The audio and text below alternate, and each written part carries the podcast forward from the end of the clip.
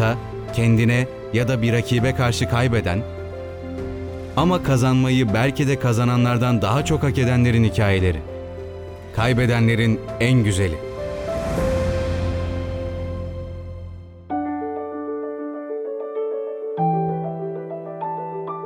Merhaba kaybedenler.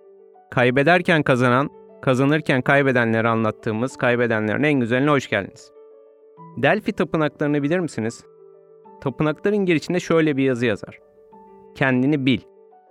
Kutsal kitaplardan tasavvufa, Kızılderili öğretilerinden Zerdüşlüğe, eski şaman öğretilerinden uzak doğu felsefelerine kadar aslında tüm inanç ve öğreti sistemlerinin ortak noktası belki de kendini bil mottosudur. Geçenlerde bir kitap okumuştum. Çok beğenmiştim. Akış Mutluluk Bilimi isimli. Ee, orada çok güzel bir örnek vardı. Diyor ki şu an günümüzde yaşayan ortalama bir insan 100 yıl öncenin kral ve kraliçelerinden bile fazla konfora sahip. Gerçekten de düşündüğümüzde 100 yıl önce yaşayan bir kral canı sıkılınca televizyon açıp izleyemiyordu örneğin. Ya da Google'a girip arama yapamıyordu. Ama şu an en fakir insanlar hatta çoğu insan bu imkana sahip. Buna rağmen gitgide daha da mutsuzlaşıyoruz. Peki neden? Kazanmaya bu kadar odaklandığımız için olabilir mi? Para kazanmak, statü kazanmak, konfor kazanmak ve bunları kazanmak için birçok şeyi kaybetmek. Günümüzde kazanmak her şeyden önemli durumda. Artık insan sürece değil sadece sonuca odaklanıyor. Düşünüyorum da sevmediğim bir şeyi kazanan olmaktansa en sevdiğin şeyi kaybeden olmak daha anlamlı değil mi? Ne dersiniz? Şimdi anlatacağım hikaye tam da bu örneğe uygun bir hikaye. 19 Eylül 2000'de olimpiyatlar, erkekler 100 metre serbest seçmeleri yüzülüyor. İlk seçme serisinin 3 katılımcısı var ve 3'ü de özel davetiye olimpiyatlara gelen sporcular. Nijer'den Karim Beyer, Tacikistan'dan Farkut Oripov ve Ekvador yenisinden Erik Musambani. Altın madalyayı kazanmak bir yana, yakınından geçmeye bile oldukça uzak olan bu üçlüden Erik Musambani'nin durumu ise diğer iki yüzücüden biraz farklı. Erik yüzmeye örneli daha bir yıl bile olmamıştı. Üstüne üstlük hayatında ilk defa 50 metrelik bir havuz görüyordu. Olimpiyatlara bir otelin 13 metrelik havuzunda hazırlanmıştı. O da haftada sadece 3 gün. Sadece 3 gün izin alabilmişlerdi ve bu 3 gün otel havuzunda yüzebilmişti. Geri kalan zamanda ise nehirde kendi başına antrenman yapıyordu. Üstüne üstlük 50 metrede yarışacağı söylenen Erik son bir karar değişikliğiyle 100 metrede yüzecekti. Başlama işaretinden önce havuza giren rakipleri Karen Bale ve Farkut Oripov daha yarış başlamadan elenmişti. Erik 17 bin kişi önünde tek başına yüzecekti. Artık bir üst eleme turuna çıkmak için önündeki tek engel 1 dakika 10 saniye barajıydı. Ürkek bir tavırla havuza atladı Erik. Tekniği o kadar kötüydü ki daha ilk kulaçlarla birlikte tribünde gülüşmeler başlamıştı. İlk 50 metrede enerjisinin neredeyse hepsini tüketti Erik. Son 50 metreyi dönerken kronometre 40.97'yi gösteriyordu.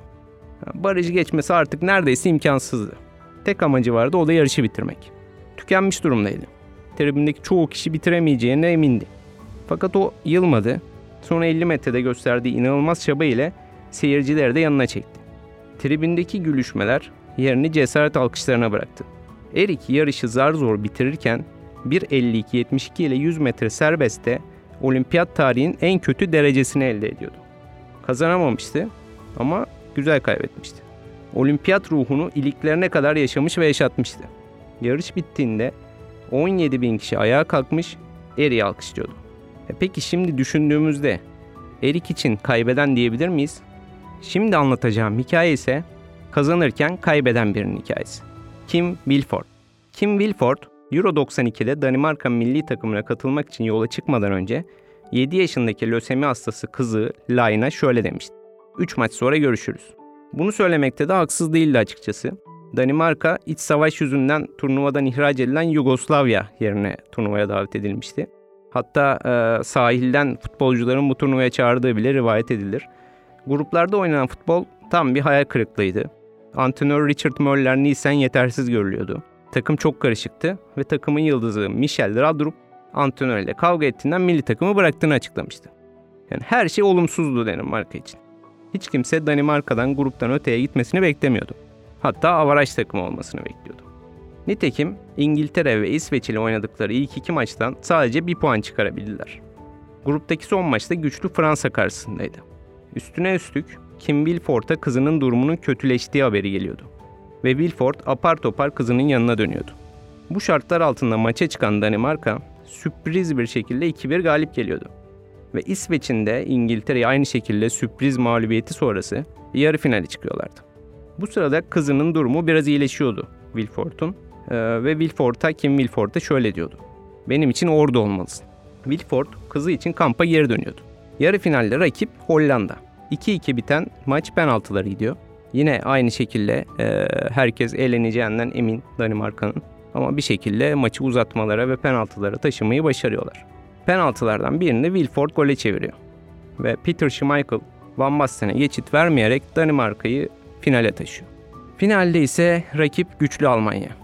Ya tamam buraya kadar geldiler ama artık buradan da öteye gidemezler diye düşünüyor herkes. Üstelik Danimarka revire dönmüş durumda. Ve Brian Ladrup ve diğer birçok yıldız bu maçta oynayamıyor. Herkes Almanya'nın kupayı gül oynaya kazanacağından emin.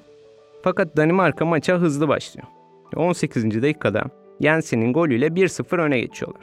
Bundan sonraki dakikalar beklenildiği gibi yoğun Almanya baskısıyla geçse de Schmeichel kalesinde devleşiyor. Maçın sonları yaklaşırken ise sahneye Kim Wilford çıkıyor. Sağ çaprazdan ceza sahasına giren Wilford, iki savunma oyuncusunu oyundan düşürüp düzgün bir vuruş dağları havalandırıyor. Bu golle birlikte Wilford, hastane odasından maçı takip eden kızına farkında olmadan son hediyesini veriyor. Kalan dakikalarda Almanya ataklarını başarıyla savuşturan Danimarka bir mucizeyi gerçekleştiriyor, bir mucizeyi gerçekleştiriyor ve kupaya uzanıyor. Turnuvadan kısa bir süre ise, sonra ise turnuvadan kısa bir süre sonra ise Line küçücük bedeniyle verdiği savaşı maalesef kaybediyor. Ve ne garip ki Kim Wilford'un hayatının en mutlu anı ile en üzücü, en trajik anı arasında sadece 6 hafta var. Sadece 6 hafta. Kutsal kitaplarda geçen kurban hikayesini hepiniz biliyorsunuz. Hazreti İbrahim'den Tanrı oğlunu kurban etmesini istiyor. Sadakatini sınıyor ve Hz. İbrahim'in de gerçekten e, onu kurban edeceğini gördükten sonra e, vazgeçiyor ve sadakatini bir şekilde ödüllendiriyor. Peki Pan'ın Labirenti isimli masalsı filmi izlediniz mi? Bu filmde Ophelia adlı küçük bir kız sorunlu bir hamilelik geçiren annesiyle taşraya geliyor. Ve üvey babası yüzbaşı Vidal ile burada tanışıyorlar. Ophelia, yüzbaşının her gün savaştığı gerillaların saklandığı dağları gören bir konakta yaşıyor ve son derece mutsuz bir hayat geçiriyor ve kaçışı da kitaplarda arıyor. Tam bu esnada konağın yakınlarındaki eski harabelerde Pan karşısına çıkıyor. Onun Prenses Moanna olduğunu ve üç görevi başarırsa kimliğini geri kazanarak yeraltı krallığına yani babasının yanına dönebileceğini söylüyor. Ophelia yeraltı krallığına dönebilmek için Dolunay'dan önce bu üç görevi tamamlamak zorunda. İlk görevde küçük kızın hayat ağacına musallat olan kara kurbağasını kandırarak alt etmesi gerekiyor. Bunu başarıyor Ophelia. İkinci görev ise Pale Man denen bir canavarın elindeki hançeri bulmak. Bu görev süresince Ophelia'nın asla bir şey yememesi ve içmemesi gerekiyor. Fakat görev esnasında nefsine hakim olamıyor Ophelia. İki üzüm tanesi yiyor ve görevi tamamlayamıyor. Daha sonra annesi de kardeşini doğururken ölüyor Ophelia'nın. Annesi için son derece üzgün olan Ophelia'ya Pan son bir şans daha vermeye karar veriyor.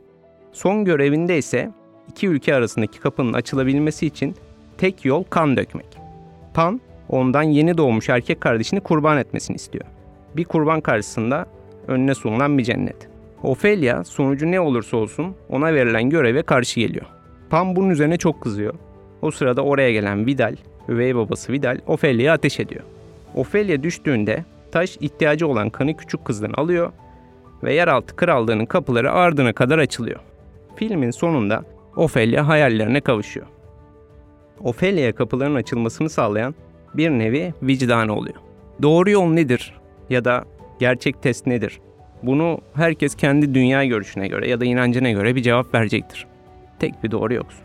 Ama Sanırım şuna kafa yorabiliriz. Cennete ya da kazanmaya ulaşmanın yolu tek midir? Yoksa her zaman için alternatif bir yol var mıdır? Ne dersiniz? Bu bölümümüzün şarkısı Eric Clapton'dan geliyor. Eric Clapton'ın 1991 yılında annesiyle kaldığı apartmanın 53. katından düşerek ölen 4 yaşındaki çocuğu için yazdığı şarkı. Tears in Heaven sizinle. Bir sonraki bölümde görüşmek üzere. Hoşçakalın.